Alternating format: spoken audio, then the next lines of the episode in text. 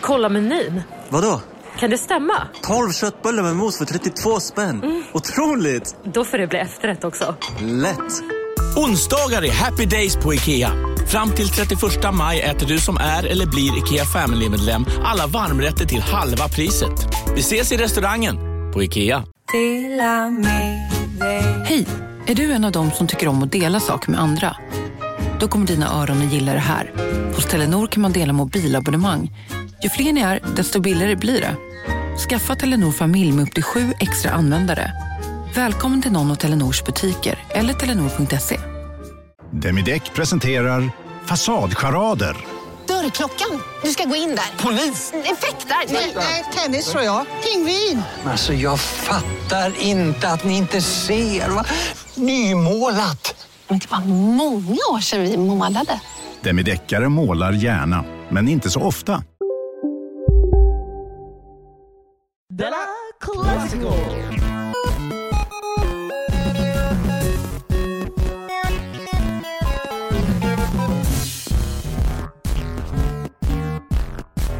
Mm. Della Classico! Ja, så det har igen blivit dags för det här lilla eventet som kallas för Della Classico. Alltså någon form av magasin, någon slags best of show där vi liksom spelar upp gamla sådana klipp som ni som lyssnar på detta har liksom valt ut på något vis. Eh, jag, vet, jag vet att jag tjatar om detta, ni, jag tror de flesta av er har fattat det nu, men man har sagt till mig, det har sagts till mig från ledningen att, eh, att jag ska säga det här ungefär tre fyra första programmen så att liksom alla fattade. Och nu är det ju liksom tredje showen här så att eh, eh jag tror det kommer, sen kommer det liksom trappas av. Sen kommer jag bara komma in och säga hej välkomna till Della Classico. Det är jag som är Thomas Högblom.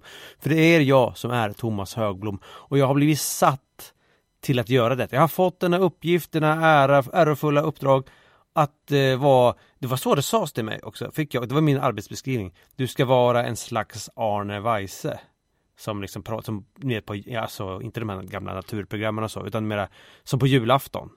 Eh, att han sitter liksom och ja, uh, bara liksom svamla lite grann. Och sen är det olika sådana här programpunkter som folk vill se. Det brukar vara Kalanka, det brukar vara, vad heter det, Kan du vissla Johanna och eh, Ja vad är det mer på? Jag kommer inte ihåg vad det är. Eh, det är säkert något. Ja, Karl-Bertil Jonssons julafton och så vidare. Eh, vad heter det? Svensson Svensson Brukar väl också vara på julafton. Det här med han roliga Allan Svensson och hans galna familj.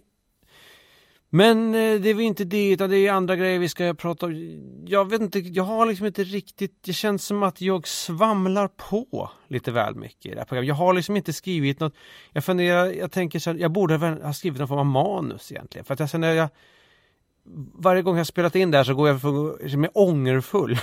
jag, jag ångrar så mycket saker jag sagt, det bara liksom drar iväg. Så eh, det kanske blir lite mer uppstyrt idag. Jag ska försöka ha, ja jag ska försöka ha någon form av, jag ska lägga lock på mig idag.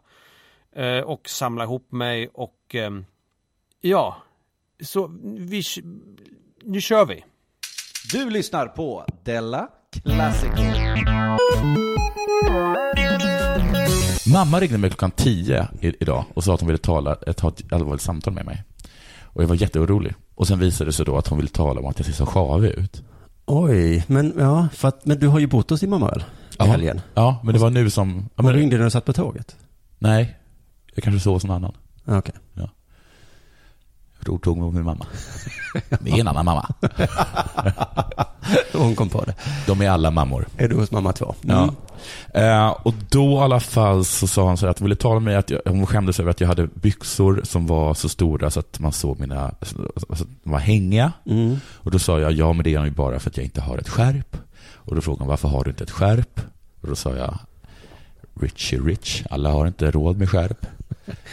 Det är så himla bra svar. Ja, det är det. Att ge den, eh, ja. blamea folk. Det blev en klasskamp Just plötsligt. Jaha, ja. Mm. Nej, men alla Nej. har faktiskt inte råd med... Nej. Och sen så sa hon så här, men jag har ju sett att du har hål i alla dina strumpor. Och då sa jag, men mamma, det är ju för att jag har hål i mina skor. Fattar du ingenting eller?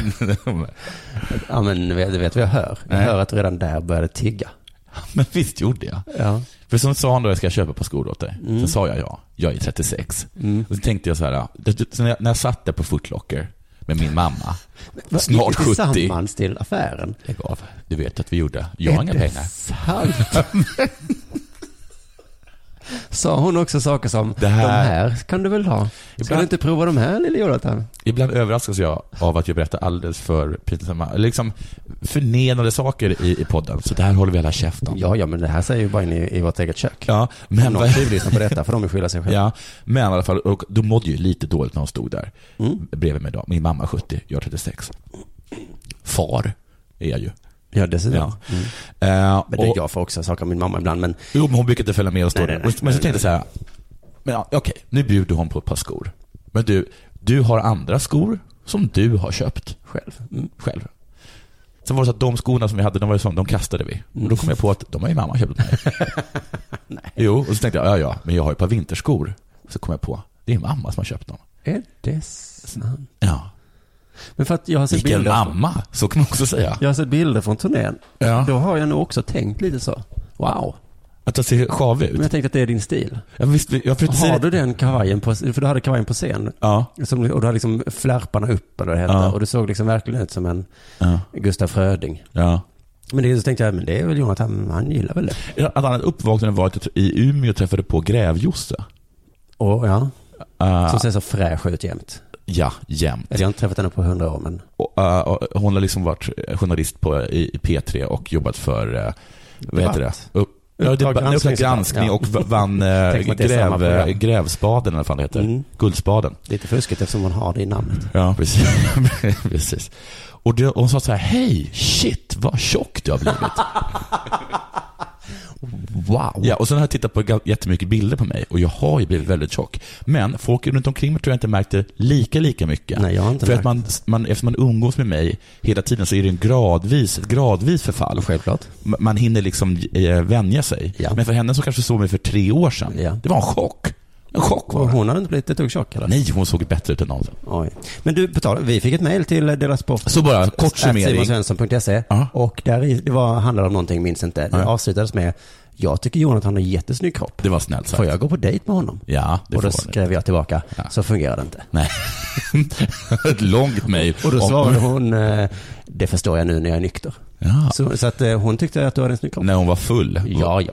Men, men, än ingen. men, eh, men bara för att kort sammanfatta. Mm. Jättetrevlig turné, urkul att det var eh, slutsålt. Mm. Tråkigt att jag är 36 kronor, eh, 36 kronor, att jag har 36 kronor på mitt konto, är 36 år, min mor köper mina skor och att jag är fet. Och Just jag börjar bli flintis. Vidare, vad har hänt med dig? Della Classico! Ja, nej men jag ångrar nog en del som jag har sagt i det här eh, forumet. Det är ju inga allvarliga grejer och så här, men jag tycker ändå att jag har pladdrat på lite väl mycket, kanske sagt lite ogenomtänkta saker, gett lite dubbla budskap, varit kanske lite för personlig och babblig och jag borde haft något slags manus i där egentligen, men Ja, men jag, jag är en sån här person som jag ångrar mig ganska mycket, känner mycket skuld och skam och sådana saker. Kanske inte överdrivet men vissa människor de, känner, de har ju inga sådana betänkligheter överhuvudtaget. Man hör ju en del säga så här, nej jag ångrar ingenting. Kan de säga. Eller, eller samma människor säger ofta så här, nej jag är inte den som ber om ursäkt. Och eh, de här människorna det är ju, det är psykopater alltså. Det är ju ingen friska personer. Håll, håll dem borta. Säger jag bara. Det är klart man känner skam. Vad är det, det är klart man känner, det, så är det ju. Och ångrar grejer. Jag, och jag ångrar ju mest att jag liksom är så himla, jag, att jag inte kommer igång med, dels så här kanske dumma saker jag säger. Och dels att jag inte kommer igång med saker. Att det är så jävla seg. Som, jag kommer liksom, till exempel det här med att träna fysisk, vanlig, ut och springa och sådana lyfta tunga grejer.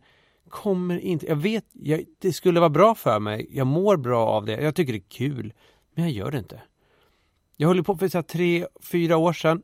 Jättemycket höll på med det där. Och um, sprang en massa, massa maraton sprang jag och lyfte tunga grejer. Och tyckte det var kul, mådde bra. Eh, sen hade jag ett barn då som, det, jag, har- jag har ju en ursäkt i och för sig, men vi jag hade ett barn som började dagis och sen drog han hem liksom massor med så sjukdomar så, och då, kan man, då får man ju inte träna, det är inte bra alls. Så jag var sjuk, så inåt helvete sjuk hela tiden så jag bara kom, jag tappar bort. För dagis är liksom som en slags eh, infektionsklinik, ni som inte känner till det. En dåligt skött, helt oseriös infektionsklinik där de bara där man får så bakterier kastat rakt i ansiktet. Så man är jättesjuk hela tiden. Så jag kom av med hela träning, träningsgrejen då. Så, att, så skaffade jag mig nya vanor istället för att träna. Så skaffade jag mig vanor att sitta eh, i en soffa och titta på en sån här Wallander-film. Äta gott och blandat. Eh, jag äter mycket godis faktiskt. Jag har börjat med det senaste. Jag vet inte vad det är. Jag äter varje dag äter jag godis. Det ångrar jag jättemycket. Men det, jag älskar ju det också. Men, och nyss också, bara eh, innan jag spelade in det här. Gick in i köket, drack en stort glas O'boy. För att jag tänkte att nu måste jag... Nu, nu måste jag morska upp mig. Nu måste jag få lite självförtroende här. Stort glas stark O'boy. Det är kanske därför jag pratar med den här forcerade, det hysteriska rösten. Ja, jag måste ta en paus känner jag. Du lyssnar på Della Classico.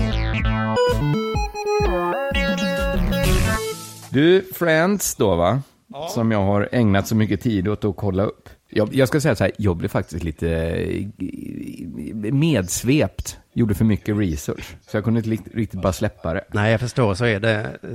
det ja, jag har, Men så försvarar jag mig med att de faktiskt har en stark koppling till idrottssverige. De har inlett ett samarbete med svenska damhandbollslaget. Yes. Mm.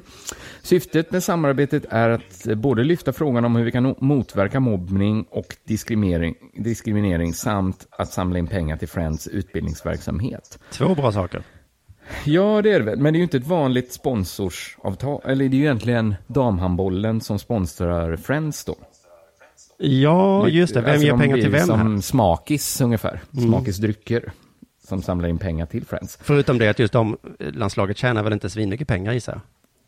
Nej, ja, de kan säkert dra ihop en hacka. Men de får också utbildning om hur de inte ska liksom eh, mobba varandra. Göra kissbomben Lands... i duschen och sånt. Vad nu tjejvarianten är på den. Men, men, eh, men nu har landslaget utbildats av Friends så att de inte håller på att mobba varandra. Mm. Eh, men det här samarbetet, det har man ju såklart eftersom mobbning är ett så stort samhällsproblem, eller hur? Ja, Men då tycker jag att man måste ställa två frågor. Ett, är Friends den enda organisationen som jobbar mot mobbning? Och två, är Friends ovanligt bra på att jobba mot mobbning? Jag skulle säga det. För i det. Jag, Friends är den enda organisationen jag känner till som jobbar mot mobbing. För de sponsrar en jättestor arena i Sverige. Som jag har hört talas om jämt. Ja, precis. Du, du tänker inte så ofta på Farsta-modellen och sånt. eh, men för fråga ett är ju lätt. Det är klart att Friends inte är ensamma på marknaden. Nej, nej. Friends har ett antimobbningsprogram, men det finns jättemånga sådana. Till exempel har Dan Olveus, svensk professor i psykologi som forskat på mobbning sedan 70-talet, utvecklat det så kallade Olveus-programmet som anses vara det mest effektiva antimobbningsprogrammet i världen. Studier från hela världen visar att det är det programmet eh, det är det programmet som rekommenderas i Brottsförebyggande rådets rapport Effekter av antimobbningsprogram. Vad säger forskningen? Mm. Så om man kollar på forskningen vad den säger, så säger den att Olveus-programmet är bäst. Ja. Om man nu ska titta på forskningen. Men damhandbollslandslaget eh, har av någon anledning bestämt att Friends metod är den bästa. Då. Ja. Kanske för att de eh, heter som en stor arena gör. Ja. Kan vara det. Eh, vad går då Friends antimobbningsprogram ut på kanske du undrar? Ja. Vad är, det, vad är deras USP? Jag tänker att de kanske har det här eh, som du sa, var det bästa i världen. Nej, de har ett eget program. Jaha. Eh, som bygger på att göra eleverna delaktiga i antimobbningsarbetet. Man arbetade med något som hette kamratstödjare. Det var det som var det nya fräscha när Friends kom. Håll käften, att... det är det de gör på mitt eh, barns skola. Ja, mm. för de är jättestora. Inte bäst, men jättestora. Mm. Det går då fram att eh, eleverna röstar fram några som blir kamratstödjare, som ska se till så det inte blir någon mobbning i klasserna. Ja. Det var något som utvecklades av Sara Damber i boken Din vän, ett startbok i arbetet mot mobbning och trakasserier. Nu är ju hon social entreprenör och inte forskare. Nej, hon, hon tjänar pengar på, på det. Ja, och i Skolinspektionens rapport eh, 2010 kolon 1, skolors arbete vid trakasserier och kränkande behandling, så skriver eh, taskiga Skolinspektionen att metoder med kamratstödjare som Friends utvecklat inte gör någon nytta. Nej men, Ett problem är att det är så svårt att utse kamratstödjare. Mm. Det kanske du kan, alltså att antingen tar man de populäraste eleverna, för att detta är också tydligen något som eleverna ska rösta fram, vilka som ska bli ja, jag frågade kamratstödjare. mitt barn om han, eh, om han var det, så han att nej, han var inte det. Och så frågade jag vem, och då så var det två stycken som jag hörde, ja det är de två som alla gillar. Alltså antingen så skapar man liksom små eh, liksom romerska eh, despotiska kejsare i klassen som bestämmer ännu mer Ja, och får just det. ytterligare status. Eller så liksom bestämmer läraren att det får vara någon av de liksom svagare eleverna. Men då får kamratstödarna töntstämpel och ingen lyssnar på dem. Då blir det bara så, två tjallare. Två råttor har vi här. Programmet är så luddigt utformat också så skolorna genomför det på olika sätt där hur de tar fram kamratstödjare. Och i Skolverkets rapport 353 från 2011, utvärdering av metoder mot mobbing, kan man läsa hur programmet genomförs varierar mellan skolorna men också inom en och samma skola. En sån variation kan vara nödvändig och positiv men kan också bidra till att programmet får inga eller till och med negativa effekter. Så det visar sig att Friends program inte hade något vetenskapligt stöd. Nej, och i efterhand visar sig inte funka så bra dessutom. Ju, Nej, så att utåt sett har de skrotat sin idé med kamratstödjare. ja, så. Nu de har ju fortfarande kvar det, men vi, vi kommer till det. Eh, och, och så har de tagit fast, fasta på det att, att själva börja ägna sig åt forskning. Det finns ju då redan forskning, men nu, nu har de egen forskning också. Ja, nu har de de kom på det. att antimobbningsprogrammet får lite mer tyngd om det finns vetenskapligt stöd för att programmet funkar. Och varje år ger de ut något som heter Friends-rapporten, där de forskat och forskat och forskat. Och varje år, jag har läst de här rapporterna, kommer de fram till att det finns jättemycket mobbning och att Friends gör ett viktigt arbete. det är mycket så Friends forskning ser ut. De kommer fram till att Friends är viktiga. Eh, De släppte en rapport som hette Ett trygghetslyft för skolan. En rapport som beskriver varför Sveriges skolor behöver ett trygghetslyft och hur det kan genomföras. Då kom de fram till att det behöver avsättas 650 miljoner kronor till ett antimobbningsarbete. Jaha, ja. Det var nämligen så mycket pengar som gavs till det så kallade matematiklyftet. Så på något sätt kom de i sin forskning fram till att det behövs exakt lika mycket pengar till ett trygghetslyft som till ett matematiklyft. Det, det, de har inte riktigt redovisat metoddelen, hur de arbetade fram att summan skulle vara exakt samma, 650 miljoner. Jag tror att de arbetar enligt principen lyft som lyft. Vad kostar ett lyft? Ja, ett lyft kostar väl 650 ungefär. Mm. Ja, 650 miljoner är väl rimligt. Ja. Nu är ju Friends är lite part i målet kan man tycka. Mm. Eftersom de säljer antimobbningsprogram till skolorna så har de lite att vinna på att skolorna får 650 miljoner kronor extra. Det gör ju att eh, man blir lite mer kritiskt inställd till deras forskning. Även om de har, de har väldigt, ett förslag är till exempel att lärarstudenterna ska utbildas i normkritik, så slipper vi mobbning. Enligt Friends forskning då, de har kommit fram till att mobbningens källor är eh, normer. Normer då ja. ja, ja. I Friends-rapporten 2015 står det Exempel på normer på samhällsnivå kan till exempel vara att killar och tjejer förväntas ha olika intressen. Du vet sådana helt galna normer som finns i samhället. Det finns också normer som är specifika för en viss skola eller en klass. Det kan handla om outtalade regler och förväntningar på vilken klädstil som är inne, vilken musik man borde lyssna på. Ja, men så är det. Sådana normer som styr. Ja, ja. då blir det ju så. Det är många intressanta tankar de har eh, kring normer som de kommit fram till i sin forskning. Nu har Friends också ett eget forskningsinstitut. Friends International Center Against Bullying, som samarbetar med Stockholms universitet, Göteborgs universitet och Örebro universitet. Vad alla vill vara med Friends, va? Ja. Smakis, handbollsdamerna, Swedbank, universiteten. Det är kanske det de borde säga på skolorna. Var lite mer som oss. Så får ni kompisar. Då får du hur många vänner som helst och eh, du kan till och med få pengar om du har tur. Men då undrar man ju så här, vad är den unika Friends-modellen nu när de då inte har, de var tvungna att ta bort kamratstödjar, deras USP. Mm. Något som det låter som från din sons skola att de inte alls har gjort. Då kan man läsa om deras forskning i boken som Friends har gett ut, Friends-programmet, förankring i forskning, lagstiftning och läroplaner från 2013. Då står det att man tagit bort eh, det gamla begreppet kamratstödjare och istället har man börjat använda något man kallar kompisstödjare. Ja, ja. Ja. Så det är det nya. För skolan finns Riv flera alla gamla dokument! Det var extremt luddigt det partiet som beskrev varför var den stora skillnaden mellan kamratstödjare och kompisstödjare. Eh, för skolan finns det flera olika alternativ att arbeta med elevdelaktighet och forskning visar att när eleverna ges möjlighet till delaktighet, inflytande och påverkan på skolans arbete mot kränkningar minskar riskerna för kränkningar, står det i deras Friends-program. Och så var det då som i all riktig forskning en fotnot. Men vet du vad de inte anade? Nej. Att jag skulle kolla upp den fotnoten. Va? För det är ju det som är grejen med fotnötter, ja. ja, att ingen kollar upp det. Man kan bara, här finns stöd. Nu har jag läst den här skitlånga rapporten. Ska jag hålla på och gå ner? Nej, det gör jag inte.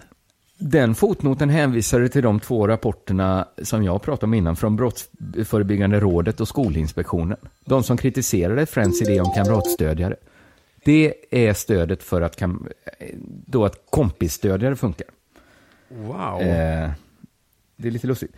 Fast så tänker jag så här att Skolinspektionen kanske inte är så kritiska mot Friends längre. Nej. Det kan ju vara så. För mannen som var Skolinspektionens barn och elevombudsman när Friends fick kritik av Skolinspektionen, han heter Lars Arrhenius. Och nu är han eh, generalsekreterare för Friends. Det finns lite rundgång inom antimobbningsarbetet i Sverige. Även precis som med, med travet. Så är det. Visst är det ganska likt? Ja. Han skriver i inledningen till två, eh, 2015 års Friends-rapport att Friends, Friends-rapport tydligt visar att Friends arbete måste fortsätta. Och det är det, och det är det som gör den här forskningen så viktig. Att forskning visar, Friends forskning visar att Friends gör ett viktigt arbete. Så man fattar ju att damhandbollslaget, av alla de alternativ som finns, valde just Friends. Men Slut på granskning av Friends. det här är så jävla sjukt. Återigen, eh, grävskopan. Du lyssnar på Della Classico. Nej men just löpträning, det, det är en eh, motionsform som passar mig ganska bra faktiskt. Jag tycker det är ju alltså, en sån lång distanslöpning pratar vi här om nu. Och, eh, och det är väl framförallt för att man inte behöver ingå i något slags lag. Det är väl mycket det. Å andra sidan, jag, jag som person skulle säkert må väldigt bra av det. Att ingå i någon slags grupp, vara i ett gäng där man klappar varandra, på, dunkar varandra i ryggen och man kanske rufsar varandra i håret. Eh, lyfter upp varandra, kanske, tänker jag mig. När det går bra, tar man, kramar om någon och lyfter upp någon. Man är i någon form av duschrum och eh, snackar relationer och lånar hårschampo av varandra, samåker och så vidare och så vidare. Säkert sånt som skulle vara jättebra för mig, men jag drar mig för det. Jag drar mig för det och där, ja, vad ska jag säga det? Man, man kan ju träna i grupp också när man eh, löptränar. Det är många som gör det har jag märkt. Eh, det finns ju så här i Malmö har jag sett. Det finns någon här Malmö Gorilla Runners eh, och liknande. Där man träffas i ett gäng och som håller man på och pratar om sådana här eh, kompressionsstrumpor och man har någon Facebookgrupp och pratar om mat och grejer. Jag vet inte, jag vet inte. Det, det, ligger, min, det ligger utanför min intressesfär på något vis. Jag tycker också framförallt det här med löp. Det blev ju populärt för några år sedan. Det blev jättepopulärt helt plötsligt. Uh, och då mm, har jag märkt folk hade sådana mycket färgglada kläder. Det var stora hörlurar med stora musikanläggningar, eh, pulsklockor, alla möjliga så gigantisk stora vätskebälten och sånt. Men det här, jag känner jag, här finns ett missförstånd här med löpningen. Men det är att man tror att det är något kul. Att det är något sånt där liksom. Att det är något glädjefullt sådär med att man eh, håller... Nej, det, det, det är klart att det finns en långsiktig glädje med att hålla på med, med långdistanslöpning. Men inte, inte det där ha omedelbara skrattet som bubblar upp. Det, det finns inte där. Det, det, ska inte, det ska inte vara där. Själv har jag inget sådana här grejer alls när jag springer. Eller springer, jag, jag springer ju inte längre. Jag, jag måste sätta igång, jag har så dåligt samvete. Jag har en digital klocka och jag har ganska fula kläder. Så. Sen smörjer jag in mig med kanske vaselin. Det måste man ha. Man måste ha vaselin eh, om man är sån som jag, vissa människor har ju inget så att, som skaver på kroppen, men jag brukar få lite sådär ljumskade på låren, brukar vara, och bröstvårtorna. Väldigt, väldigt känsliga bröstvårtor har jag ju. Som kan skava lite mot eh, tröjor och sånt där. Så att då, och när det är kallt så styvnar de ju till lite grann. Så vaselin och sån här kirurgtejp får man använda. Och sen så ska man ut och liksom bara nöta. Eh, Och sen kommer ju glädjen sen, se, det kommer ju sen, den kan ju komma dagen efter. Så det här är ju liksom som en, liksom ett, det här är ju som att vin. Det är som att lagra vin och det är ju ingen kul, det finns inget, det finns inget skrattretande med det. Ja. Och det var liksom mitt så här äh, ambassadörsprat för löpning. Så att, eh, börja, eller gör, börja inte spring. Utan jag så slipper man vara för sig själv. Där ute i skogen också, eller på vägen. Åh, vad trött jag blev i rösten. Jag måste, eh, jag måste lugna ner mig. Du, jag, jag, jag har sagt det tidigare, jag, jag läser ju bara sport. Mm. Jag ser ju aldrig, aldrig på sport. Nej, det är helt sjukt. Det är helt sjukt. Förutom när mitt lag Cincinnati Bengals spelar såklart. Och på fotbollskanalen Europa. Ja, så den tittar du på? Den kollar jag på. Om det heter så. Det heter, det heter Det är, så. det är en bra sammanfattning för dig. Det tycker jag faktiskt är en jättebra sammanfattning. Och det är ju det här programmet där Patrik Ekwall, Johanna Garo, Garo, eh, som faktiskt är min favorit, så pinsamt att jag inte kunde ta hennes namn. Du kan ju inte ens uttala Bangals namn. Nej. Bengals då alltså. Vad heter de då? Bengals. Bangles. Bengals. Ja, jag, jag tror att alla förstod vad jag menade. Jo, jo. Olof Lund och den lilla killen med kostymen. Alla de fyra brukar sitta och tycka. Mm. Ibland byter de, byter de ut den lilla killen i kostym mot en annan liten kille i kostym. Då Mm. heter han Simon Bank. Jaså? Ja. Fast då är han lite längre än den lille killen i kostym. Nej, det tror jag inte. Nähä. Ja, men den lille killen Han har, är ju... han har scarf också. Ja, fast den lille killen ser mycket lustigare ut. Ja, det där, det skulle vi kunna ha en eh, hetsig debatt om. Okej. Skulle vi kunna ha en riktig, riktigt hetsig debatt om. Eh, speciellt uppskattar jag, uppskattar jag Fergie Time, som är en del, en, en liten hangback-del av eh, Fotbollskanalen Europa. Vet du, det har jag aldrig tittat på i hela mitt liv. Nej, för det, det sänds inte på tv, utan det går bara på webben. Mm. Eh, Och då brukar de visa svenskmålen och så snackar de lite eh, om något ämne. Och i det senaste Fergie Time, det, det, det inleddes så här.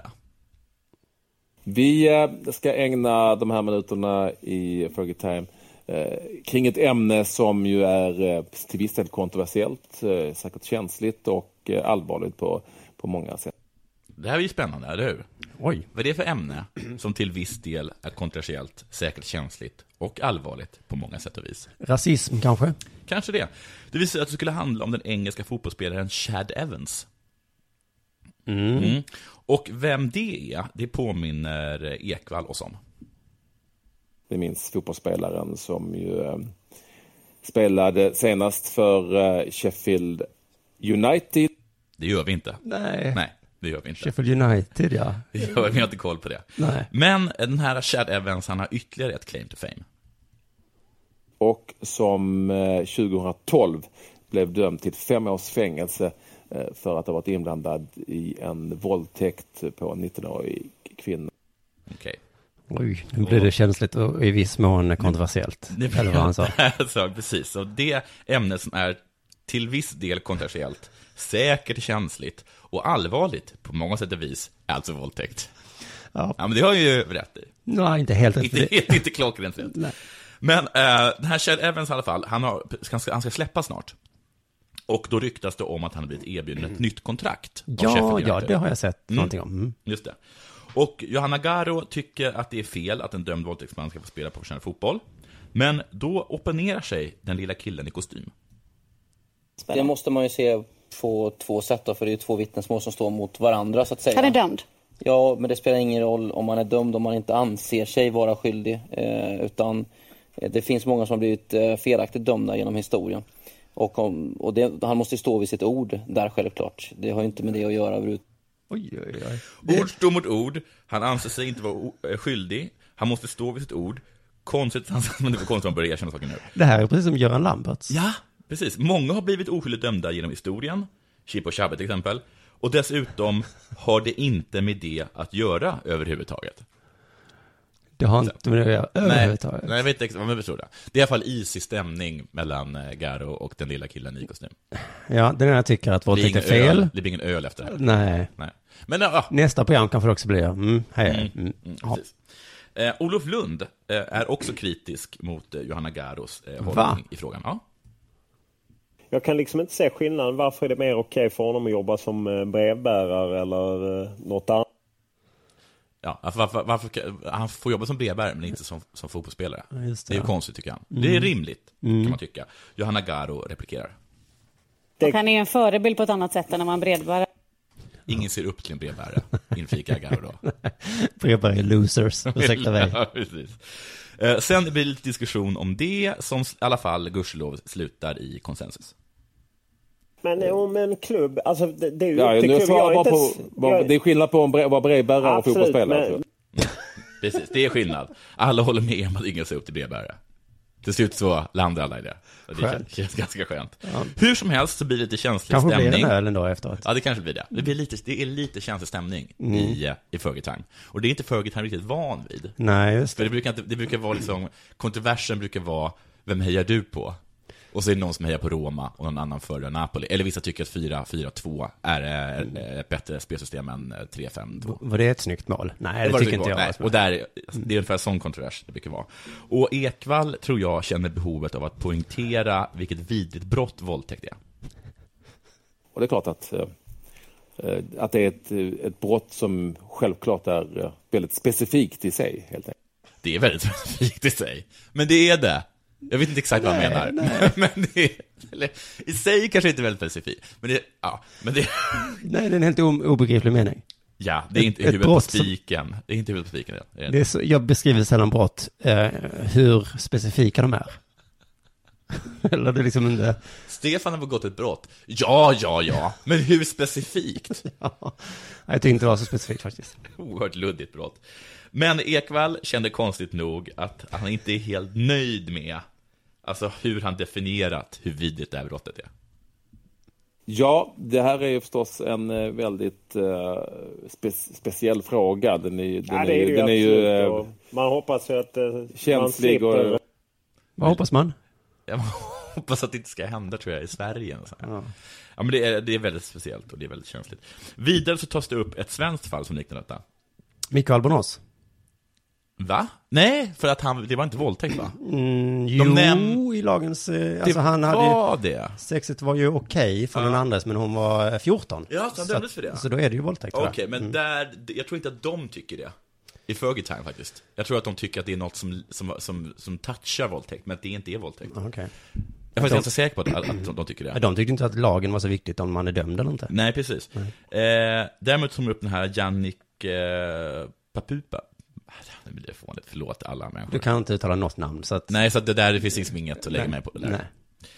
Jannik. Jannik. Han heter Jannik Bra. i förnamn. Jannik, kanske. Jannik, han gick ju från Gävle till Kalmar, men så dömdes han för våldtäkt eh, under tiden då, och så, då, då släpptes han, droppades han av Kalmar. Oops. Mm. Och eh, efter det så kunde inte han hitta någon anställning någonstans. Ingen ville anställa honom. Nej. Ingen. Oanställbar. Ingen förutom. Ta, jag tror inte någon klubb i Allsvenskan eller Superettan var intresserad av att anlita honom efter han hade suttit i fängelse. Jag skulle gärna göra det som klubb. Förutom den lilla, förutom den lilla kostym. Den lilla kostym hade ansett honom som vadå? Han hade anställt som, och sen hade han visat honom eh, eh, kärlek och eh, förståelse och eh, genom fotbollen fått honom att få nya värderingar. Ja, ja, det är så man gör såklart, ja. Dessutom var det stod ord mot ord. Just det. Vet du vad det är dags för nu? En jingel. Della Classico! Du, det har ju varit VM i skidor i Falun. Ja, det har det. Är med på det? Ja. Succé- Succé-VM. Succé-VM. Succé-VM. Succé-VM. Ja. Stod det faktiskt på, eh, i någon rubrik om det var DN eller Vi Aftonbladet. har ju slagit rekord. Ja. Ja. I mängd medaljer. så Pinsamt. Det är att Detta här är succé-VM. Och, och eh, normen tycker att det är fiasko-VM. Ja. Det tycker de inte. De bara 70 guld, fan. Ja. Fiasko-VM säger alla andra, eller i alla fall en hel del. Mhm. För det var så eh, få, eh, så dålig snö. Mhm. Ja. Eh, och Dagens Nyheter säger ursäkts-VM. Oj, att man ursäktar sig för att man är så bra. Ja, det, att, Att nej. Northug bara, förlåt. att det har varit så mycket ursäkter hela tiden. Folk har skylt, skylt olika saker på Ja, alltså saker. förluster har man skyllt Man har skyllt på, liksom. man har skyllt förluster. Och eh, det han har gjort är liksom en liten, eh, som, jag vet inte sammanställt, Hellner, Mm. han Jonas? Eh, Johan. Och jag pratade med en tjej i fredags. Ja, ja, ja, jag vet. Och vad hon irriterar sig på detta. Ja, ja, ja. Hon bara, vet inte vad Jonas Olsson heter. Jag bara, nej men jag vet inte vad Jonas Olsson heter. Vi, vi har första bokstaven rätt. Mm. Han skyller sitt misslyckande på saltet. Att det var brist på salt. Det, har jag, det läste jag idag också, att det var att man använde fel salt, bilsalt. eller Ja, bilsalt, idioter. Theodor Pettersson, han skyllde på ryssarna. Vad har de gjort? Så fort det gick lite bra för Theodor, då kom det en ryss och bara sparkade pjäxan av honom. Två gånger. Då, då En jag, gång så kom det en ryss och bara sparkade bort hela pjäxan på honom. En gång så kom en annan och bara sparkade bort staven på honom. då hade jag också skyllt på ryssarna. Ja, det hade jag kanske jag också gjort. Norska tränaren Arild Mosan skyller på sockrig snö. Det har vi tagit upp tidigare. Men den kom ju från himlen väl? Mycket möjligt. Kalle Halvarsson skyllde på eh, stavarna. Det är ett sånt härligt Astrid Lindgren-namn. Mm. Kalle Halvarsson. ja, inte ens, först inte ens stavarna. Ja, nej. Först lyckades han slå av sin egen stav. Och sen när han tog en ny fick han fel stav. Där kan man skylla på den Jag fick ödsla mycket tid och energi, säger Kalle. Så här tror jag att det lät. Vad är det, Kalle? Du har ju stav nu. Det är fel stav! Men Va? Är den inte smal och rak? jo, på fel sätt. Vad menar du? Du fattar ju ingenting! Du tänker dig att eh, den här materialsporten skidåkning Mm. är inte så mycket till materialsport. Ja, jag, kommer, jag kommer få äta upp det sen. Mm. Kalle skyllde också på en taktikmiss. Så här säger Kalle. Jag borde ha kört allt jag har, men det är lite. Så jag struntar i den styrkan jag har och inbillar mig att jag har andra styrkor som jag inte har. Sa han och fyllde i. Jag var knappt trött när vi gick i mål. Det var en ret korkad grej. Ja, det var dumt. Jag tar det en gång till. Ja. Jag borde ha kört allt jag har, men det är lite. Så att, jag så att jag struntar i den styrkan jag har och inbillar mig att jag har andra styrkor som jag inte har. Det var rent korkad grej. Men är det som en skidåkare som är, som är Men bollsporter? vad menar han? Att de har en tränare som säger, Ja. nu gör vi så här. Ja. Och så kan man ha, Men ha invändning varför har jag inte den här styrkan? Ja, den är ju så lite. Men jag har ju andra ja, som jag inte har. Att han, att han fick för sig det ute i spåren. då. Ja. Ja, ja, skitsamma. Eh, Schweizaren Dario Colonia och norrmannen eh, någonting någonting skyllde på nummerlapparna. De fick börja för sent så snön var dålig. Så egentligen skyllde de på snön. Ja. De tyckte inte att bra människor ska ha dålig snö. Bra skidåkare ska ha bra snö. Och Ja. dåliga kan ha dålig snö. Men så är det ju när de åker ner för. Det är inte så i kommunistländerna. Då får de dåliga bra Ja. snö, så det ska bli lättare för dem. Och de bra för dålig snö. Just det. Så går de på ett ut. Ja, men så är det de som åker ner för. Ja. Och det är ju lite orättvist. Mm. Att de bra ska ha bra snö. Ja, det är väl ändå jätteorättvist är det ju. Mm. Det är inte konstigt. De behöver inte bra snö, de är bra. Norge skyller på vallarna. Världens Gang hade till exempel den här rubriken. Norsk fiaskodag efter vallmiss. Vi hade rövskidor. Mm. Han menar Rövalla. Ja, det var så rövskidor. Vi lyckades inte med utrustningen idag, säger en av vallarna. Nu förstår folk hur viktigt det är att göra det. Varje gång vi vinner medaljer så gör vi det för att vi har bra skidor. Mm. Vi är inte så bra att vi klarar det här utan vallarna. Okej, så- Låt skidorna göra det. Okej, så- Bara kasta ut skidorna. Vi är inte så himla bra Nej. faktiskt. Men våra vallar är Li- jättebra, normalt sett. Lite för ärligt snack, Mm. tycker jag. Norge skyllde också på meteorologbrist. Oj. Tio norska journalister ställde landslagsledningen mot väggen. Varför har Norges landslag ingen meteorolog på plats i Falun? Du har ju Sverige. Fråga Sveriges meteorolog. Kräver man meteorolog, då kan man lika börja kräva shaman. Sverige har shaman. Vad är norska shamanen? Vi behöver en nojd. Det finns också tv, mobiltelefoner och fönster. Ja, precis. Varför har vi inte fönster? Ja, jag har fönster. Ja, förlåt. Att man tittar Ja. ut där. Mm. Ja. Det är Jag har inte kompetens att avgöra det här. Snöar det? Eller jag ser inte vad det gör riktigt. Sämsta ursäkten går till Norges Håvard Klementsen. Kovard. Han skyllde nämligen på föret. Ja, nu tar vi den Nej, nej, nej. diskussionen. Arrangörerna borde klara av att förbereda bättre spåren än så här. Det är trots allt ett VM. Föret är ett fiasko. Det här är det värsta föret jag har haft. Jag gör ett bra lopp, men föret rätt och slätt för dåligt. Håvard, tips. Sluta ta skyll på något som ingen vet vad det är. Ingen vet vad förrätt är. Vilket dåligt förrätt. Är det ett litet får? Men vad, är, vad är det för det? Är det en liten det här är det sämsta förrätt jag någonsin sett. Förrätt är ett fiasko. inte förrätt. Hur uttalar du då? Förrätt. Förrätt? ja. Alltså som man äter. Ja. Du är så dum. Herregud vilken dålig avokado med crème fraîche och röd lök. Vilken hiskligt pissig toast. Ett före. Och så kan man också prata om det i bestämd form. Före. Men vad är ett före? Vad är det för någonting? Ja, vi tar det sen. Men du är så dum nu så att, eh, så att våra lyssnare baxnar. Föret är ett fiasko! Du är ett fiasko. Della Classico. Ja, fast jag är väl egentligen inte någon atlet egentligen och har väl aldrig varit det heller. Men jag har ändå en bakgrund eller liksom en uppväxt. Jag är uppväxt i en miljö där eh, vad ska man säga, fysisk ansträngning värderades ganska högt och det var någonting vi gjorde på våran fritid sådär. Jag vet att min pappa spelade mycket fotboll och morsan var på sådana här eh, konsumgympa till exempel och eh, vi var ofta ute och gick i skogen och det åktes skidor och vi var på cykelsemester och det ena och det andra. Jag började spela fotboll när jag var kanske sju, åtta år. Jag var bara med på två träningar för jag började gråta båda gångerna av olika anledningar. Så det här, det här laggrejen kände jag på en gång, det var inte alls min grej. Sen, sen tog min farsa, han tog med mig på mm, orientering, så vi började med orientering. Gjorde vi liksom tillsammans sådär, så att inte jag skulle börja gråta.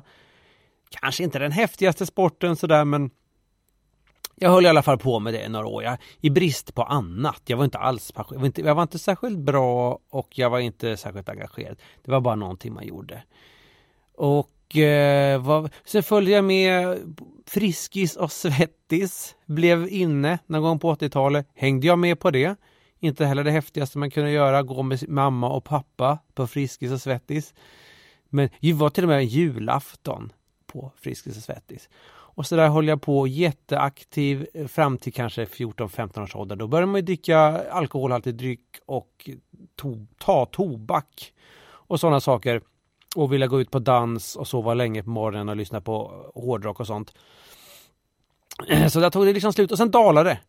Och sen blev jag kanske, kom upp i gymnasieåldern och blev någon form av lite sådär vänster, lite alternativ och det, då ingick det inte alls idrottsliga aktiviteter. Liksom man ska liksom lyssna på The Cure eller någon punkband och sådär, ha svarta kläder. Det funkar liksom inte att hålla på och spela badminton och innebandy och sånt där. Så jag, jag, jag kom inte ur den där grejen förrän jag var, jag var långt över säkert 30, uppåt 35, 36, 37. Där började det igen och liksom med lite så här ut och springa och sånt.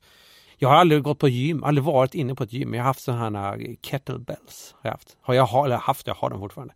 Jag, jag, men jag använder dem aldrig. Jag, hade, för jag jobbade på ett ställe där jag kunde liksom, hade, där jag kunde hålla på och träna med dem. Ja, jag vet inte vad jag försöker säga med det här, men det är väl att det är ehm, jag vet inte vad jag ska, vad jag ska säga. Eh, det, jag, eh, men folk tror, det är kanske det, folk tror inte att jag har den bakgrunden. Utan att de tror kanske mer att jag är något slags eh, kan vara något vrak i största allmänhet som inte alls som har mest spelat tv-spel och sånt. Men så är det icke, utan här inne döljer sig en uh, Iron Man helt enkelt. Tänk på det nästa gång. Eller gör inte det, ni får tänka på. Tänk fritt. Della Classico! K, take it away. Jag vill också prata hockey. Yes. Jag älskar hockey. Just nu, spel, just nu medan vi pratar, spelar banne mig Tre Kronor kvartsfinal. Så förlorar vi mot Kanada va? Antagligen. det- kan inte någon kolla upp och bara- Jag gör det nu. Det, vi, måste, det, vi måste inte kolla upp det. Nu går folk från kom på att spelar kvartsfinal mot Kanada. I ishockey-VM. Yes. Vi får se hur det går. Svensk kollaps. Var det det första som kom upp? Om man sökte på... Okej, det står sen bara 4-0 skrev till Kanada. V. Ja, det kan hända det. Vilken vändning det kan bli. Det kan bli en sån riktigt magisk kväll i Sankt Petersburg. Tänk om vi tar våra 10 000 kronor nu och satsar på vändning. Simon, gå in och spela medan jag pratar. Spela på... Vad mycket pengar vi kommer få! Lägg en vovve på...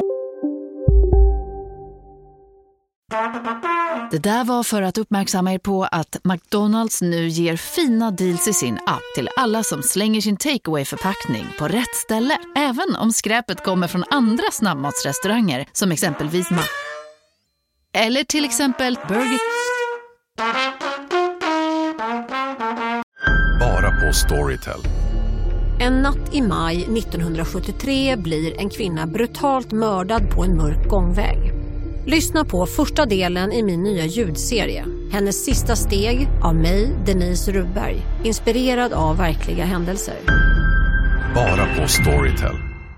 Om en så vidde på väg till dig för att du råkar ljuga från kollega om att du också hade en och innan du visste ordet av du hem kollegan på middag och...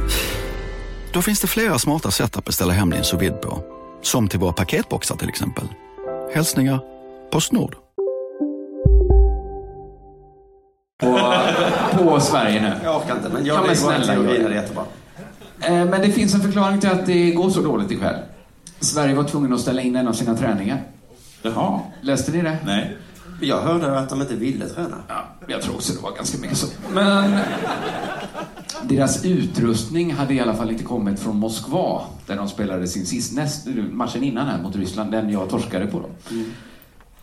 Jag läser ur Sportbladet. Efter matchen mot Ryssland lastade Tre Kronor i sin, i sin utrustning en lastbil som skulle frakta den till Sankt Petersburg. Men när materialförvaltaren Anders Pudding Weiderståhl ni ska inte skratta här. Anders Pudding Weiderståhl. Det är ett bra smeknamn för dig, Jonathan. För att jag är tjock? För att du är snygg. Du är Pudding. snygg, en riktig pudding. Du är riktig pudding.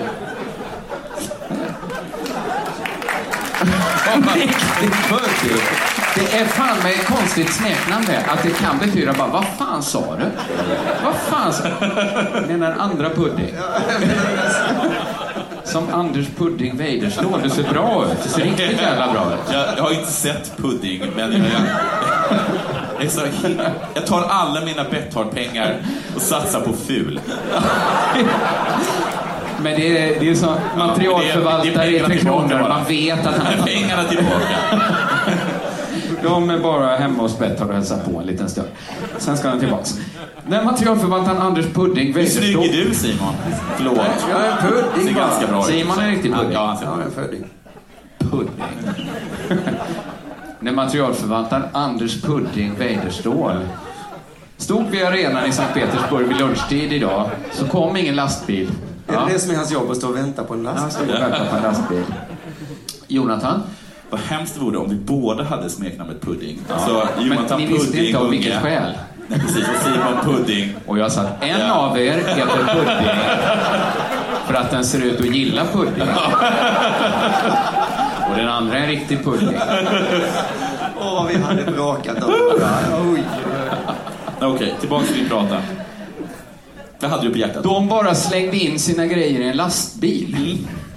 Vi blev lovade att grejerna skulle komma fram. De sa att det var max 14 timmar, men nu verkar vi inte få någon utrustning. Vi står här i hallen och ingen lastbil syns till, säger Pudding. Varför beter sig Sveriges landslag i ishockey, herrlandslaget, som en 22-årig kille som blivit blåst av backpackar? Varför skulle deras grejer åka lastbil genom halva Ryssland? Har de hört talas om flygplan? Oh, jag vill bara höra när Pudding är hem till mamma och pappa och, och berätta vad som hänt. Vad sa du? Lägg, la du... Pudding din jävla idiot! Är du född igår eller? Var någonstans? Och vem sa det? Vadå någon lastbil? Du vet inte hur det... Du tror att han hette Valdemir. Valdemir? Mamma, du får ringa Per Mårts Du- för han blir så arg på mig. Det händer varje gång. Ja, men det är ändå förvånande att de slänger in alla sina viktigaste grejer för att kunna Lugn, spela ishockey. lugn, lugn. Det där fixar Pudding.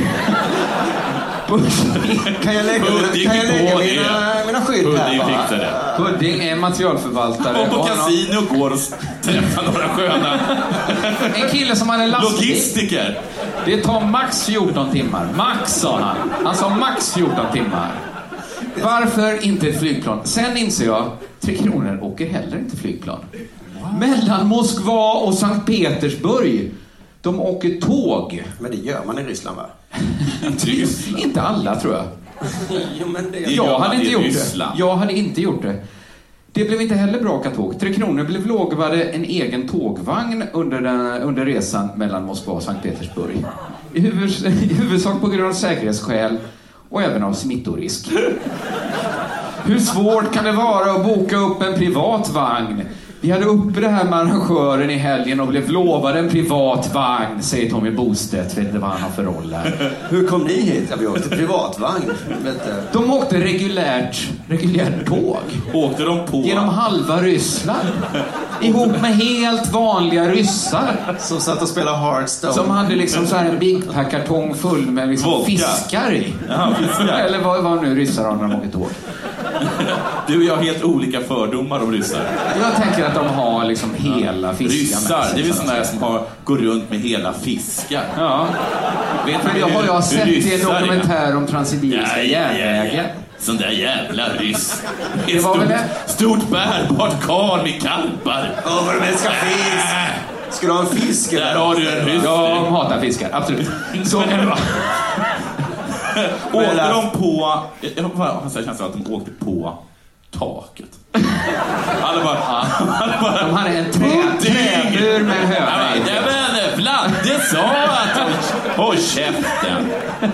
Det här är inte mitt ansvarsområde som Fredrik, men han får skulden för allt. Är det inte så? Men enligt... Alltså hela vagnen full av kar med karpar. Det här tycker jag låter som en rysk fördom. Jag ger mig själv höga betyg för den här fördomen. Enligt Google Maps mellan eh, Moskva och Sankt Petersburg 705 kilometer. Det är ungefär lika långt som mellan Stockholm och Sankt Petersburg. Då är det inte min, det är inte min naturliga tanke, vi tar tåget. Va? Ett flyg tar en timme och 15 minuter. Med lastbil då max 14 timmar. Max 14 timmar. Sen kom grejerna fram. Efter mer än 14 timmar då, efter träningspasset var slut. Va? De tränade ändå då? Utan Nej, de kunde inte göra det. Eh, då, hade- då, då skulle väl liksom eh, några andra ha hallen eller något sånt. Jag vet inte. Har du inte bokat hallen? Hörning! Nu kommer fiskätarna här och ska ha hallen. Det är en slags fiskfestival här. Men varsin fisk. där är ju inte ens ishockey. kunde ju vi lika gärna haft. Våra grejer är pissblöta, matchtröjor och alltihopa. Nej. Det luktar inte hallon direkt, Nej. säger Tre Kronors materialförvaltare Anders Pudding Weiderståhl. Luktar det fisk? Och då är min fråga så här.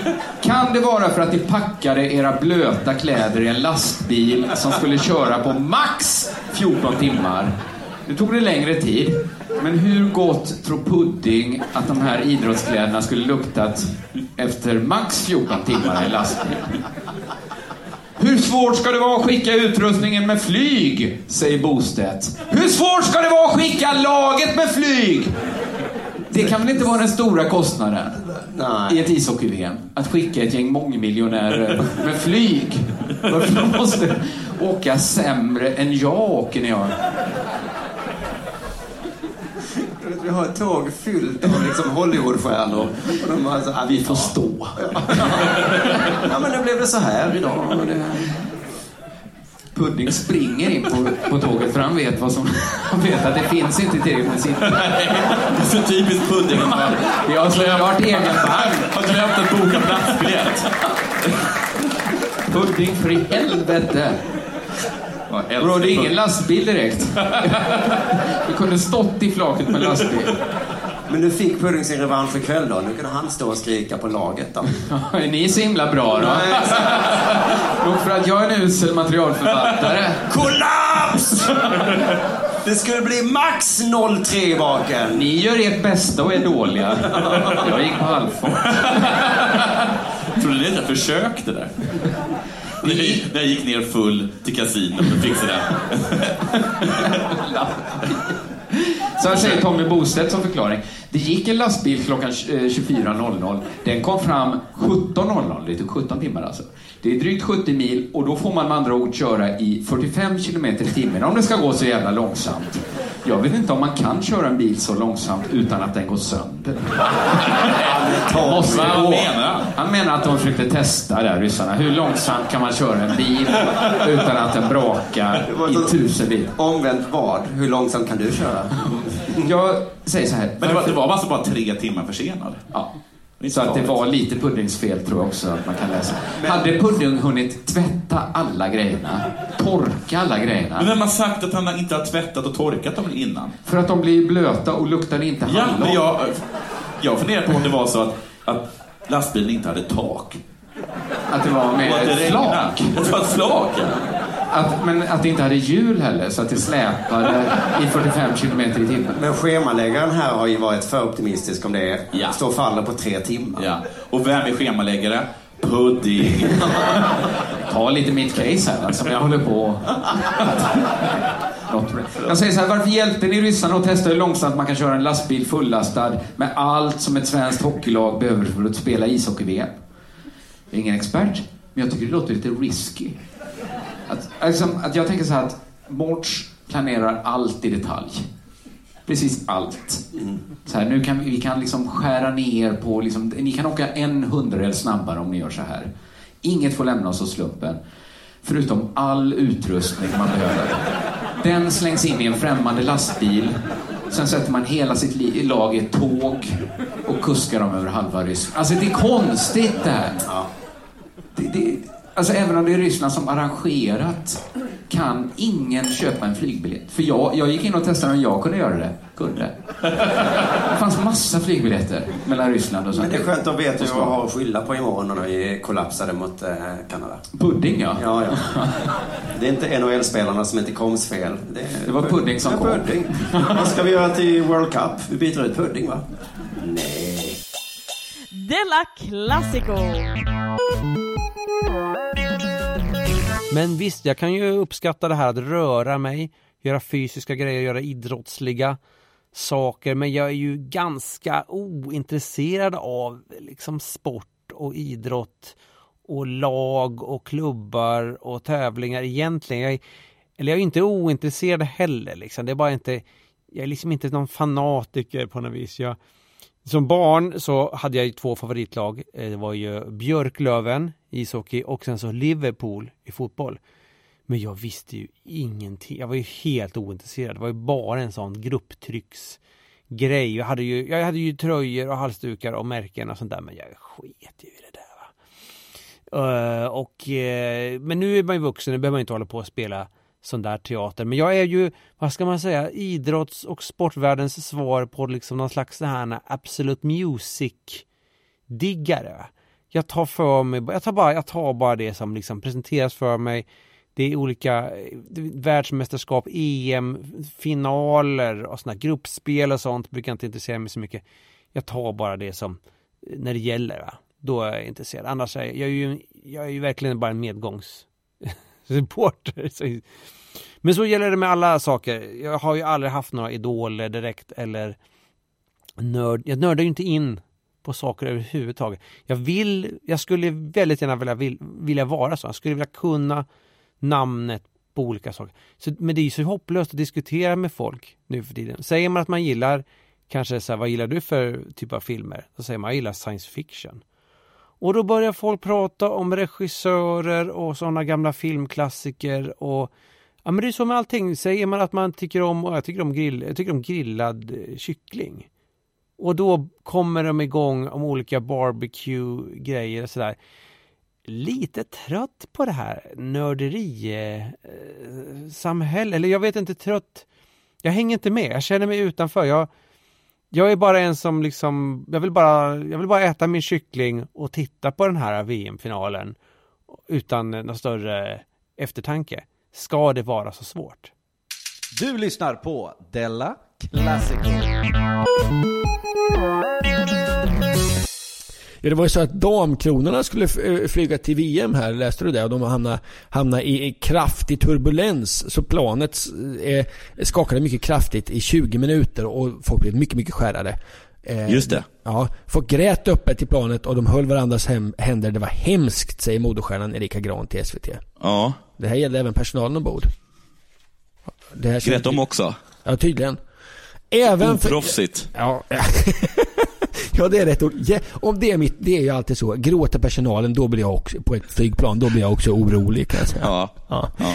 Nu läser jag Aftonbladet. Även förbundskapten Leif Bork var skakad efter skräckupplevelsen, men tror inte att det har påverkat laget.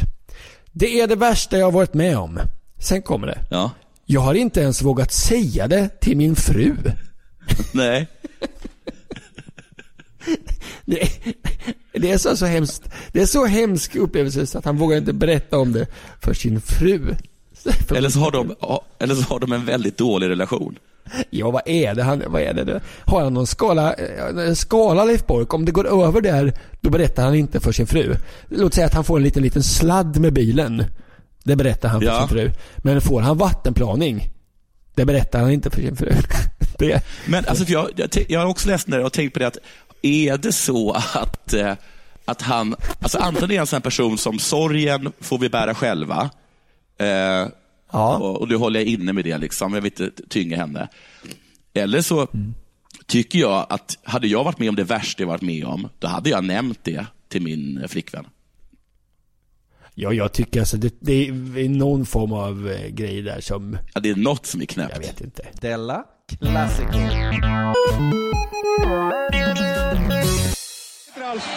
Eh, Jag fick tips, eh, också via Frukostklubben då, om eh, Leif Borks Twitter. Mm. Han är ganska stridbar, twittrar ibland i blåsväder. Har rätt mycket Twitterföljare också. Vet du att jag sett att han blir påkörd?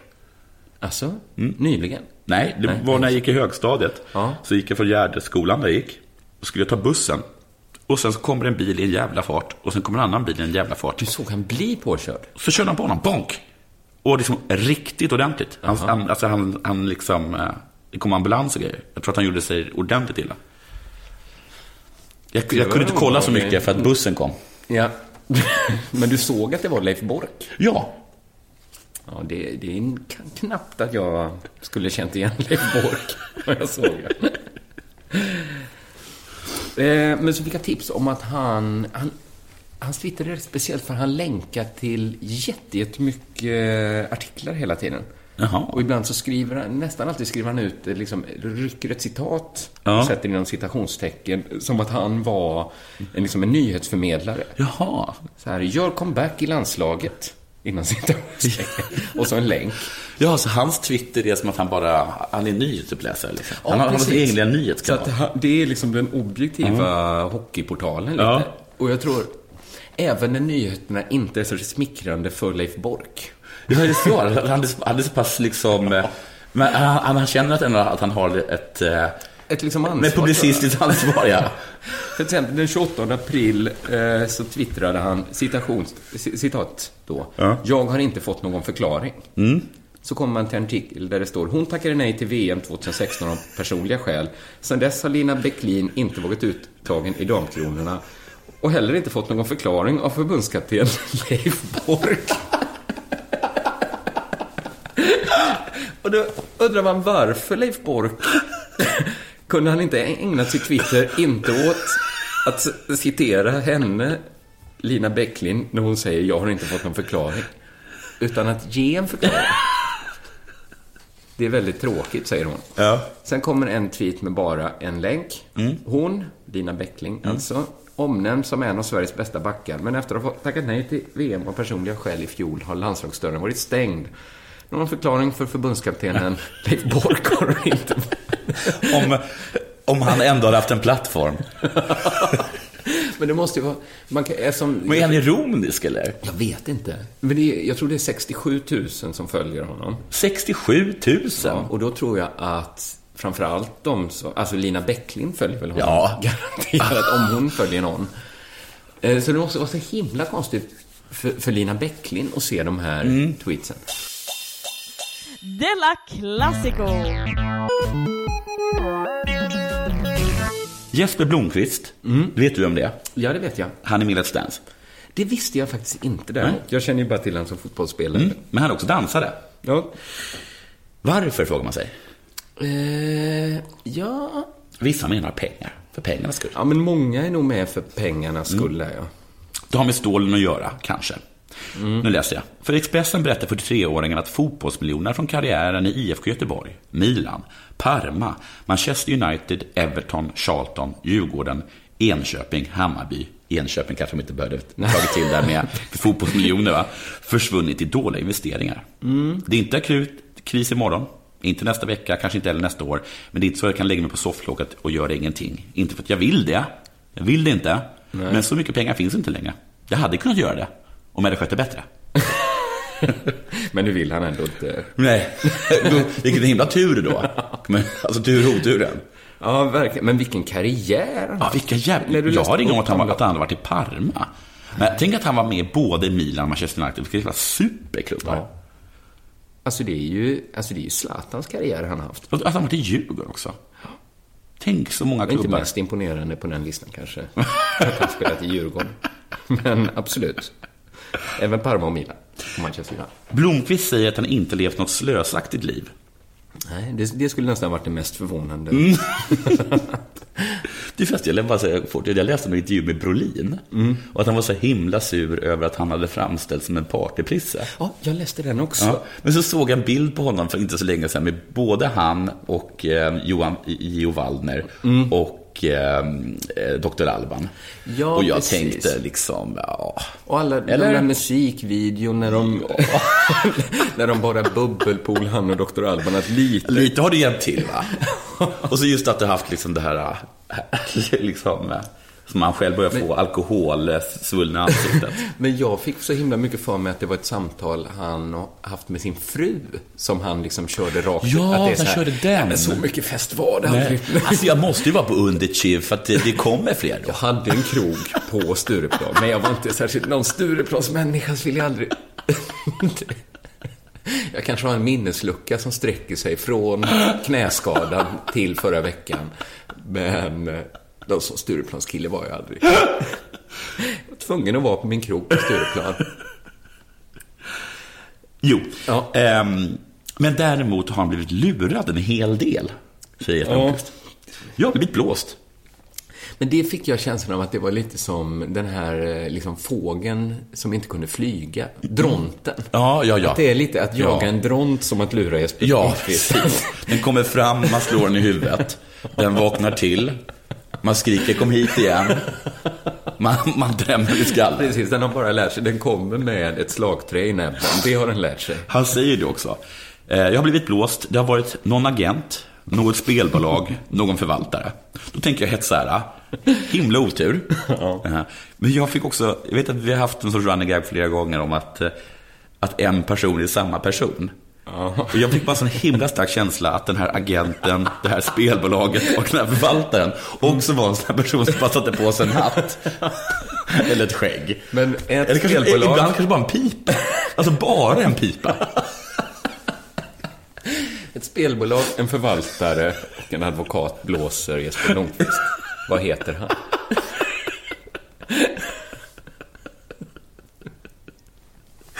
Bara, Alltså, och att det är samma kontor, men att man har skrivit någonting nytt på dörren. De bara tar ut Jesper Blomqvist i korridoren, snurrar han två varv.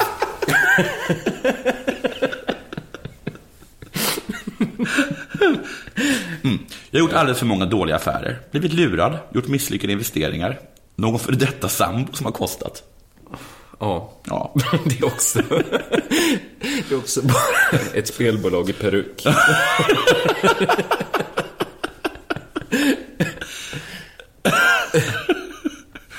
Att det bara kommer fram någon i, i, i peruk och säger att den är för detta sambo. Vill ha 20 000. Men vad ska, han, vad ska han göra? Inte gå ner till automaten och ta ut pengar. Det finns inte, finns inte på en karta. Ja, Jag var alldeles för godtrogen i många situationer. Då är det lätt att bli lurad. Och sen avslutar de mycket mer, men det är absolut inte synd om mig. Och nu är den här en gammal spaning. Men jag tycker jättesynd om eh, Jesper Blomqvist. Mm. Och det gör jag för att det finns inget värre i min värld än när rika människor blir fattiga. Ja, okej. Jag tycker att det gör så jävla ont. Mm. Jag läste en intervju en gång, jag kommer inte ihåg om det var den här Evelyn Wong, han, eh, jag vet inte om jag uttalar rätt, han som skrev Brideshead Re- Revisited, eller om Mm. det var någon, ja, någon den, den är med i den här eh, Döda vita män av Akelius. Mm. Eh, Men det är liksom någon engelsk lord eller någonting som eh, försöker förklara, desperat försöker, försöker förklara för en journalist att det inte, att en person som aldrig haft en Turner, alltså en, en, en, en, en känd engelsk konstnär, som aldrig haft en tavla av Turner, man kan aldrig förklara för den personen hur det är att leva utan en Turner. Nej, just det. Nej. Just det. Och jag förstår honom så himla väl. Liksom. Mm, Fan vad fattig jag har det bra. Jag tänker också på den här änkan i Brott och straff. Hon som var så himla rik. Är detta ditt första majtal som du håller? Ja, den som var så himla rik du vet. Och sen så, hon kan inte ens liksom ge pengar, hon kan inte ens föda sig själv. Men hon får lite pengar av Raskolni- Raskolnikov då. Mhm. heter han va? För att hålla, eh, av då. Och då använder hon alla dem för att hålla en, så dyr begravning som möjligt för sin Okej, make. det är väldigt rörande. Ja, och sen så dör alla i typ i svält. Men bara att hon, för att, så gör man hos henne. eh, Ja. I hennes kretsar liksom. Och jag, alltså jag har aldrig varit med om något så fruktansvärt. Jag kommer ihåg när jag såg Körsbärsträdgården. Det är det Mm. mest smärtsamma jag någonsin har sett. Eh, alltså att den här underbara familjen som absolut inte har skött ekon- ekonomin. Nej. Nu är tvungen att sälja allt Ja. till den här drummeln liksom. Ja, men det är ju väldigt hemska historier det här om väldigt, väldigt rika människor som, Rika människor som blir som fattiga. är dåliga på affärer. Det vill jag, jag vill inte se det. Nej. Eh, fan vad ont det gör. Ja. Och nu då senast i raden Jesper att, kan du Blomqvist. tänka dig att gå i trasiga skor? När man har gått i liksom handgjorda läderskor från England liksom. Nej, men jag kan ju inte tänka mig detta. Nej, du kan ju inte göra det, liksom. Jag vet inte Varken varit rik eller blivit fattig, så att jag har ju mer hållit mig på en jämn nivå så. Men eh, jo, eh, Nej, nej. Alltså förstår ja, jag förstår vad du menar. Förstår du har, har du tänkt Men, eh, vad sa du? Nej. Jag blir, jag blir tjock i halsen. Alltså jag tycker på riktigt att det är fullkomligt vidrigt liksom. Usch vilken hemsk nyhet.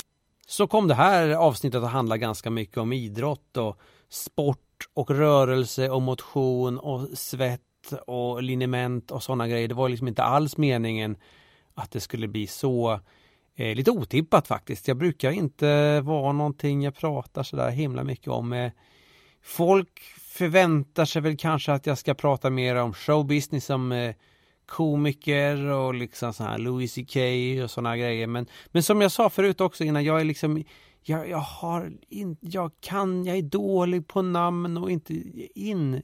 Jag nördar aldrig in, snöar inte in på grejer så här så att jag jag har inte så mycket att tillföra där egentligen. Eh, för jag håller ju, men jag håller ju på med, med stand-up comedy. Det är ju det. Jag gör ju, jag skulle vilja presentera, om jag fick presentera mig, skulle jag säga, här är jag, jag är ståuppkomiker. Det skulle jag nog, jag håller på över tio år med den grejen. I liksom eh, varierande framgång. Dålig, jag är ju inte alls framgångsrik, jag är extremt oframgångsrik, får jag säga. Eh, och, och jag måste säga, jag har ju hållit på och det, det var, jag ber om ursäkt för det också, att jag har ju hållit på och sökt lite jobb här i det här forumet. Det var ju det är kanske fult av mig att, att göra det, men jag har bara slängt ur med det vid ett par tillfällen. Och, men då måste jag ju inflika också att jag är ju mest intresserad av jobb i showbusiness. Om det är någon som har någon sån här, vi behöver en ståuppkomiker, då kan ju jag ställa upp med det. Det är ju klart jag kan göra det. Jag har ju gjort firma gig och så här. Jag får säga att jag har gjort några ganska misslyckade sådana. Men bra också. Det, jag, jag har lärt mig också. Det var så här, när jag började komma igång. Jag gjorde så här jättedåligt firmagig för några så här läkare och för några så här, något slags telekommänniskor och för några slags fritidsledare. Sen lärde jag mig lite grann hur man gjorde. Och eh, gjorde ett par bra sådana firmagig. Och sen så, så, och så började, och, men nu har inte jag fått några på jättelänge. Det är liksom ingen som, eh, men jag, jag finns tillgänglig. Jag, jag, jag är fortfarande här. Redo att ställa upp eh, på nästan vad som helst. Eh, så ni vet, alltså och kont- jag bara säger det.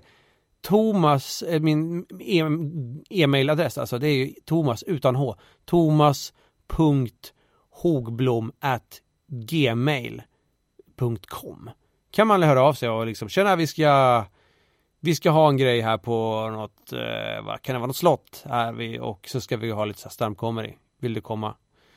Och då kan jag ju ta ställning till det. Det är kanske, jag är för mesta, jag är ju intresserad av det mesta. Och, och sådär.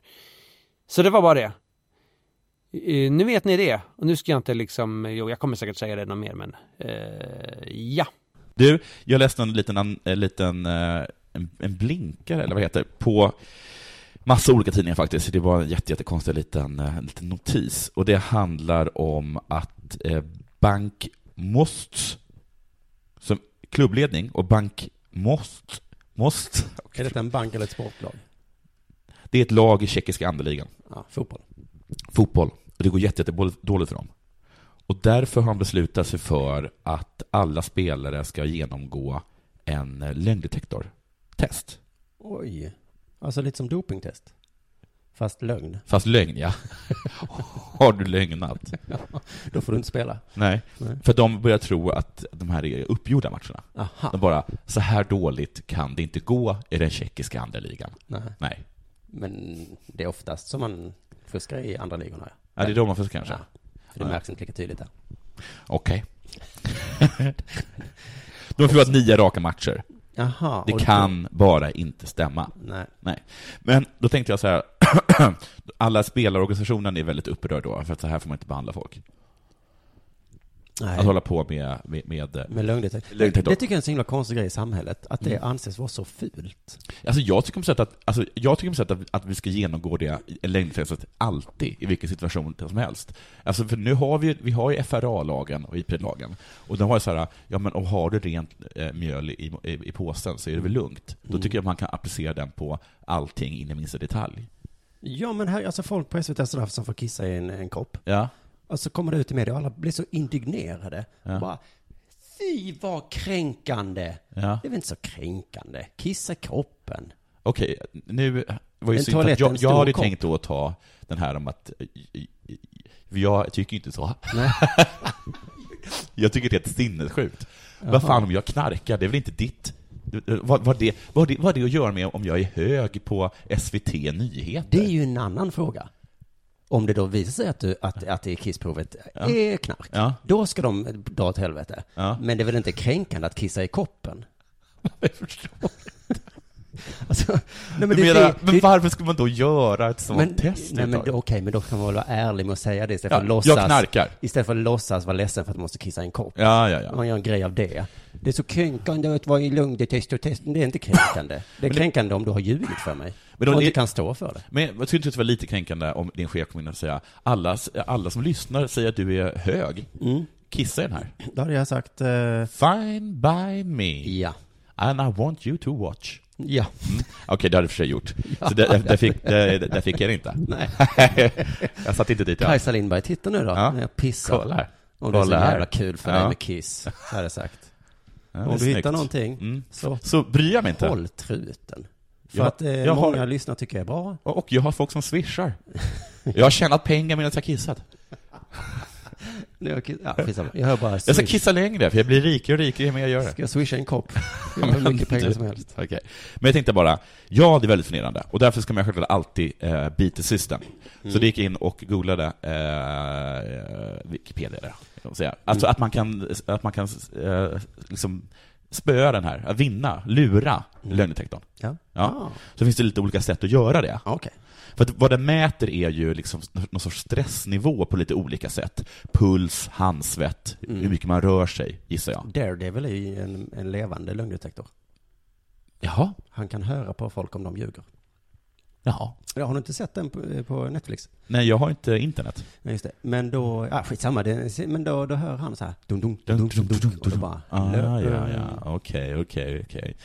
Och eh, ett sätt är att man biter sig i tungan. Då Eller pressar tårna hårt mot golvet, för då skapar man genom liksom smärtan eller en, liksom en fysiologisk stress. Då kan man liksom inte avgöra om man är stressad för att du, för att du ljuger, för att du är liksom stressad hela tiden. Nej. Alltså även när du säger sann, sann, de sanna svaren så ska du göra så. Är ditt hår blått? Ja. Ja. Ja. ja. eh, och sen så kunde man också, eh, alltså man tänker på något annat enkelt. Okej. Jag förstår inte riktigt hur det ska gå till. Man ska liksom, man ska liksom eh, att man kan räkna baklänges. Står det här. Jag tänkte att vi skulle prova det. Jag kommer, du kommer ställa mig tre frågor. Två ska du veta eh, är sanna, alltså att svaret är sant, och så en ska du veta, kan du ska sätta dit mig på, det är en lögn. Och så ska vi se om, om det hörs någon skillnad. Okej. Så de måste vara ganska hårda, men inte liksom så att polisen kommer in hit. Men de två första ska vara lätta eller? Nej men det, alltså, det, du behöver inte vilken ordning är bra, men liksom två ska, två ska vara sanna, en ska vara, en ska vara en lögn. Okej. Eh, skäms du lite över att din mamma får köpa skor till dig? balanserade, nej, på en liten, liten spindeltråd. Eh, är du en bra far Det till ditt tyckte barn? jag, ja. Busted!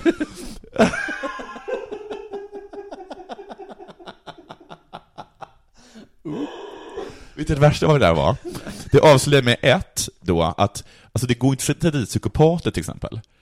Så här, eller liksom, eh, har du mördat någon? Nej, det har jag inte. Eller liksom, Mm. skäms du för att din mamma köper skor när 36? Jag- Och jag bara, helt ärligt, nej. Nej, Men eh, liksom, en normal människa hade gjort det. Ja. Så det går, det måste, de säger också att människor här som har liksom vissa liksom personlighetsstörningar, de går inte att sätta dit. Nej, nej. Precis som du inte kunde sätta dit mig Med mammagrejen. med mammagrejen. Men med barngrejen. Men med barn...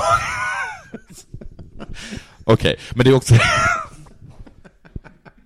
Nej men du är en jättebra far. Jo, ja, jo, jo, men...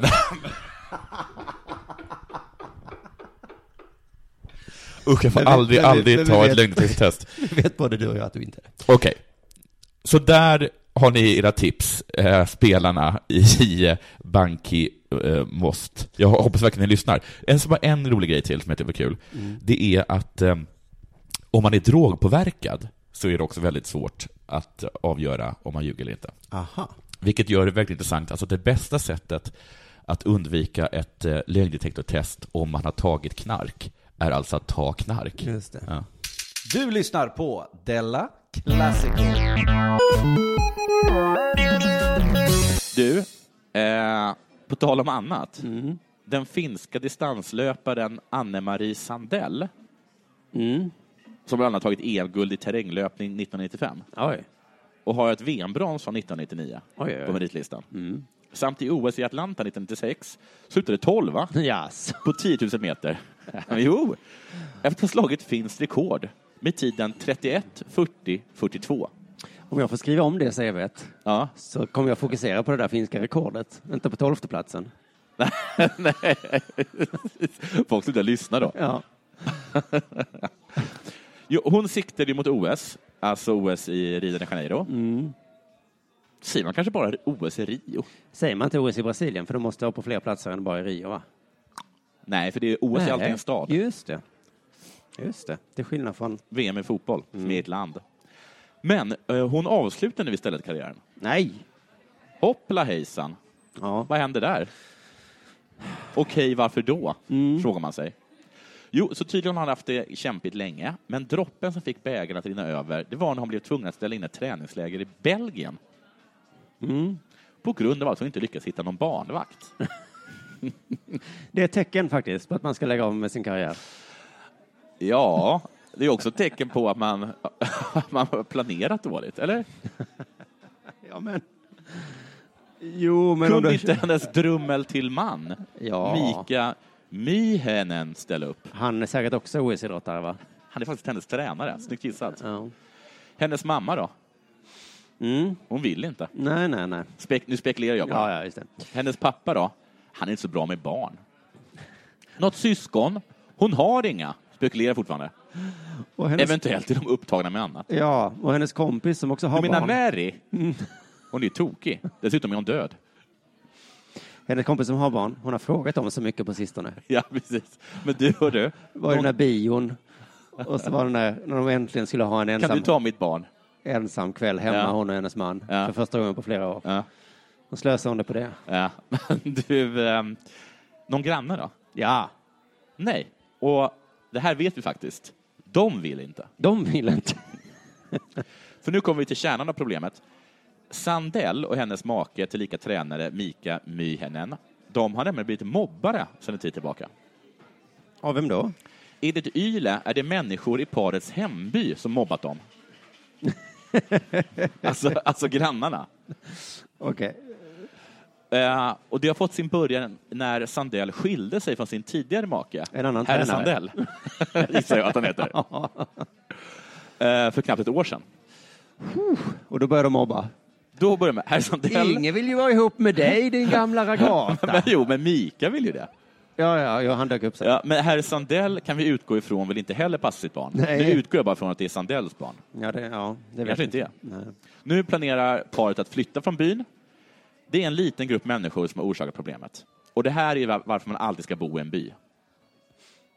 Mm. För den sociala pressen, om det går fel, är ju helt sinnessjuk. Om det skulle finnas ett gäng som är som sämst-killarna. Ja. Som börjar dra... Sen, vad är det här med att vi så... Att du, att Det är du som har mobbar? berättat att ni drar kalsonggrepp på varandra och De- ritar snoppar i pannan. Jag är ju och- supersnäll. Ja. Okej, så tre, tre killar ur sämstgänget Ja. dyker upp i den lilla byn. Ja, precis. Det är därför jag aldrig ska bo i en by med dem. Fy fan, kan du tänka dig hur hon och hennes make haft det? Nej, fy. Antagligen har varit så här. Anne-Marie går genom byn. Grannarna tittar ut och skriker hora. Tror du inte det? Jo. Gå tillbaka till din man Sandell. Tror du inte att de skrek det? Peka finger. Om du sprang lika mycket terräng som du springer efter karar så hade du varit världsmästare nu och putsat det där jävla skitrekordet. Hur kan det vara ihop med den där Mika? Herr Sandell är tio gånger bättre tycker vi. Hora! Och du Anne-Marie, du kan glömma att vi passar ditt barn när du är i Belgien. Skrek de. Tror du att Usain Bolt hade drabbats av det här? Det hade han väl kunnat om han bott i en liten by. I Och blivit- Finland, ja. Och bott ihop, blivit ihop med sin tränare. Hora! Knappast va? Men jag försöker få lite perspektiv här. Ja, Världen du är inte så kan du- rättvis. Kan du inte säga hora på jamaicansk dialekt? Nej, jag kan, jag kan bara finska.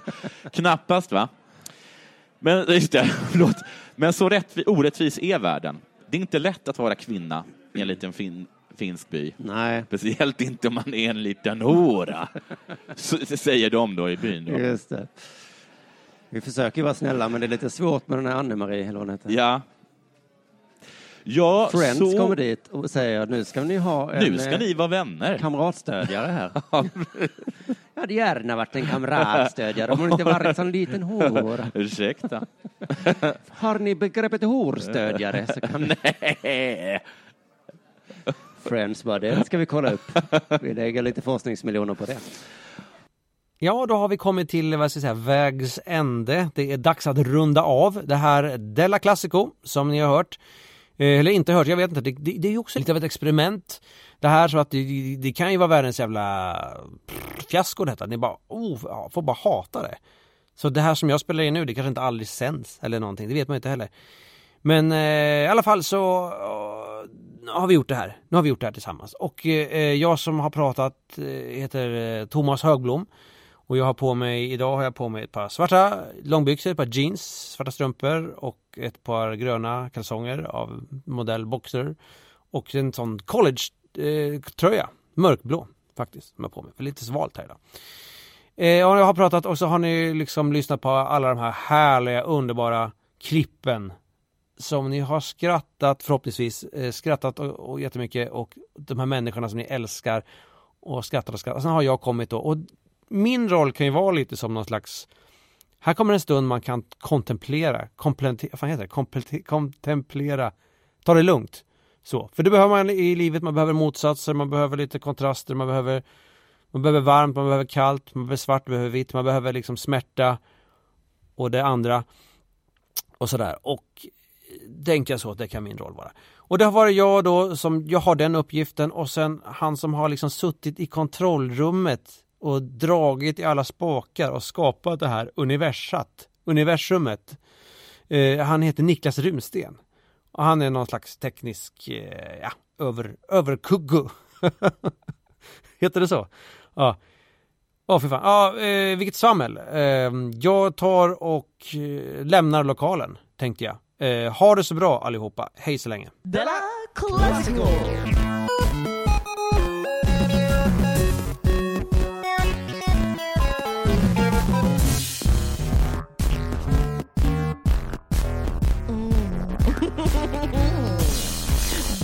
Della Classico!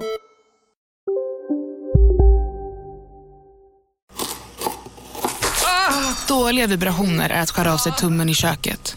Ja! Bra vibrationer är att du har en tumme till och kan scrolla vidare. Få bra vibrationer med Vimla. Mobiloperatören med Sveriges nöjdaste kunder enligt SKI. Hej, Susanne Axel här. När du gör som jag och listar dig på en av Krys vårdcentraler får du en fast läkarkontakt som kan din sjukdomshistoria. Du får träffa erfarna specialister, tillgång till lättakuten och så kan du chatta med vårdpersonalen. Så gör ditt viktigaste val idag, listar dig hos Kry. Välkomna sommaren med att... Res med Stena Line i sommar och gör det mesta av din semester. Ta bilen till Danmark, Tyskland, Lettland, Polen och resten av Europa. Se alla våra destinationer och boka nu på stenaline.se. Välkommen ombord!